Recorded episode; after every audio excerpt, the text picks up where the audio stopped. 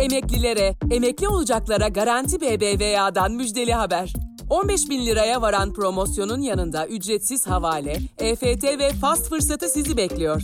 Hemen Garanti BBVA mobili indirin, maaşınızı taşıyarak fırsatları keşfedin. Ayrıntılı bilgi garantibbva.com.tr'de. Bugün 2 Ağustos 2021. Kısa dalga olarak güzel bir gün dileriz. Ben Demet Bilge Erkasap. Gündemin önemli başlıklarından derleyerek hazırladığımız Kısa Dalga Bülten başlıyor. Tarım ve Orman Bakanı Bekir Pakdemirli 4 günde yurdun çeşitli bölgelerinde çıkan 112 orman yangınından 107'sinin kontrol altına alındığı bilgisini paylaştı.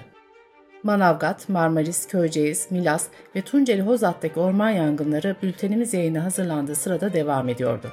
Milas'ta ters esen rüzgar nedeniyle yangın Bodrum'un Maz mahallesine ulaştı. Buradaki köyler deniz yoluyla tahliye edildi.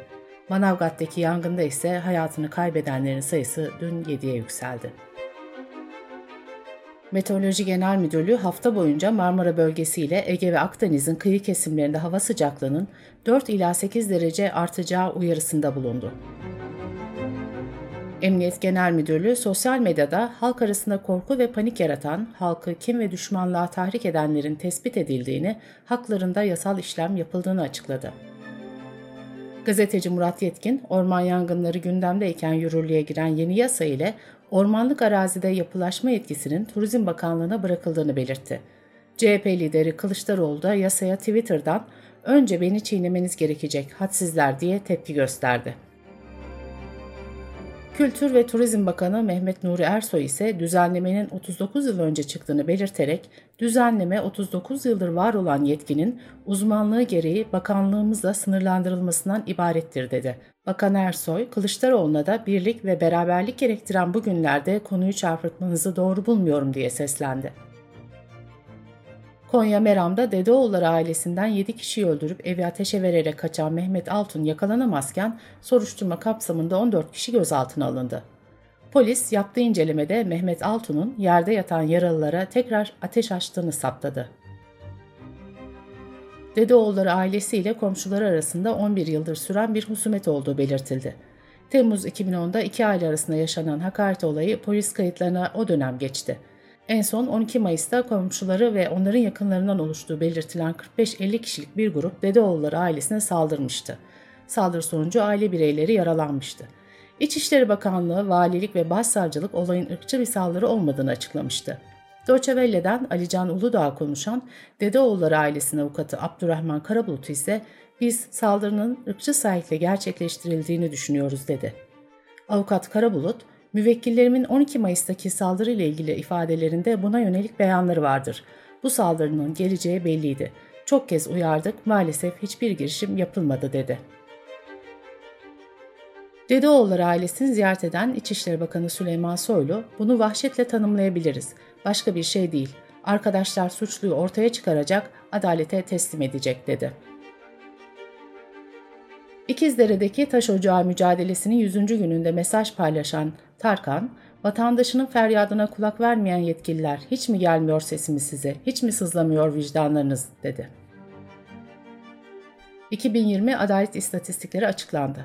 Geçen yıl 1 milyon 540 bin kişi çeşitli suçlardan mahkum oldu. Terörle mücadele kanunu kapsamında ise 2897 mahkumiyet, 3384 beraat kararı verildi. Geçen yıl savcılıkların soruşturma dosya sayısı 8 milyonu aştı. Çocuk istismarı suçundan 15 bin dava açıldı. Geçmiş yıllara göre savcılıklara yapılan suç ihbarı sayısında artış yaşandı. 2020'de 200.288 ihbar yapıldı. 141 binden fazlası ile ilgili soruşturmaya yer olmadığına karar verildi. Yani ihbarların %74.5'i soruşturmaya değer görülmedi. Olimpiyat oyunlarında 51 kiloda milli boksör Buse Naz Çakıroğlu yarı finale çıktı. Çakıroğlu bu sonuçla olimpiyat madalyasını garantiledi. Bültenimize COVID-19 haberleriyle devam ediyoruz. Koronavirüste vaka sayılarının artması yarın toplanacak Cumhurbaşkanlığı kabinesinin de gündeminde olacak. Kulislere göre kısıtlamalar ve kapalı mekanlara girişte aşı şartı ile ilgili karar çıkabilir. Fransa'nın birçok kentinde bazı meslek gruplarını aşı zorunluluğu öngören düzenleme protesto edildi. İçişleri Bakanlığı'nın verilerine göre gösterilere 200 binden fazla kişi katıldı. Çukurova Üniversitesi'nden Profesör Doktor Ferdi Tanır, 3. doz aşıda Sinovac ya da BioNTech tercihinin fark etmeyeceğini, bağışıklığı korumak adına pekiştirme dozunun yapılmasının elzem olduğunu söyledi. Almanya hükümeti ülkeye girişlerde korona aşısı olmayanlardan negatif test sonucu göstermesi zorunluluğu getirdi. Aşılarını tamamlayanların veya COVID-19 geçirerek iyileşenlerin de bunu belgelemesi gerekiyor. Türkiye Esnaf ve Sanatkarları Konfederasyonu Genel Başkanı Bendevi Palandöken, esnaf ve sanatkarın yeni bir kapanmaya tahammülü yok. Her çalışan ve esnaf zaman kaybetmeden aşı olacak dedi. Palandöken, iş yerlerinde aşısız eleman çalıştırılmaması için tüm teşkilata genelge gönderdiklerini açıkladı. Ordu Üniversitesi'nden Profesör Doktor Özgür Engin Yurt, Karadeniz'e özel olarak fındık hasadı nedeniyle artan nüfus yoğunluğuyla vakalarda yeniden artışa geçti, aşıdan başka çaremiz yok dedi. Delta varyantına bağlı olarak vakaların yeniden artması ve kapalı alanlarda maske uyarısının geri dönmesiyle Amerika'da iş yerleri sonbaharda ofise dönme planlarını ertelemeye başladı. Sırada ekonomi haberleri var.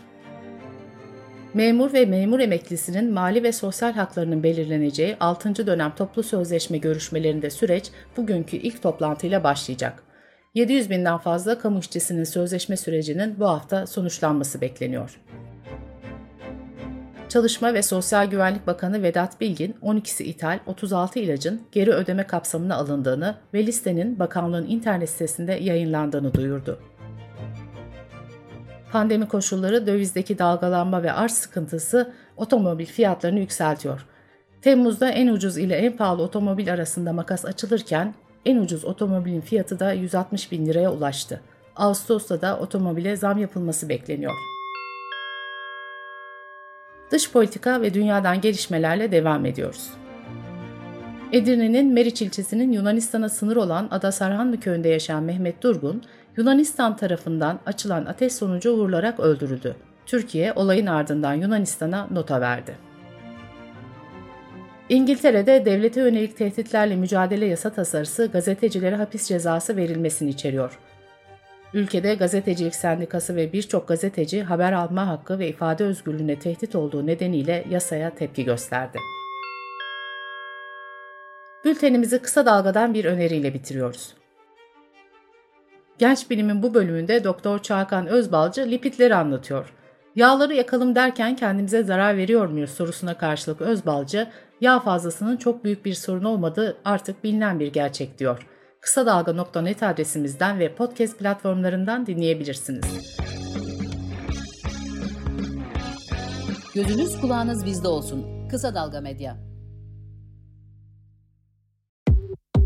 Emeklilere, emekli olacaklara Garanti BBVA'dan müjdeli haber. 15 bin liraya varan promosyonun yanında ücretsiz havale, EFT ve fast fırsatı sizi bekliyor. Hemen Garanti BBVA mobili indirin, maaşınızı taşıyarak fırsatları keşfedin. Ayrıntılı bilgi Garanti BBVA.com.tr'de.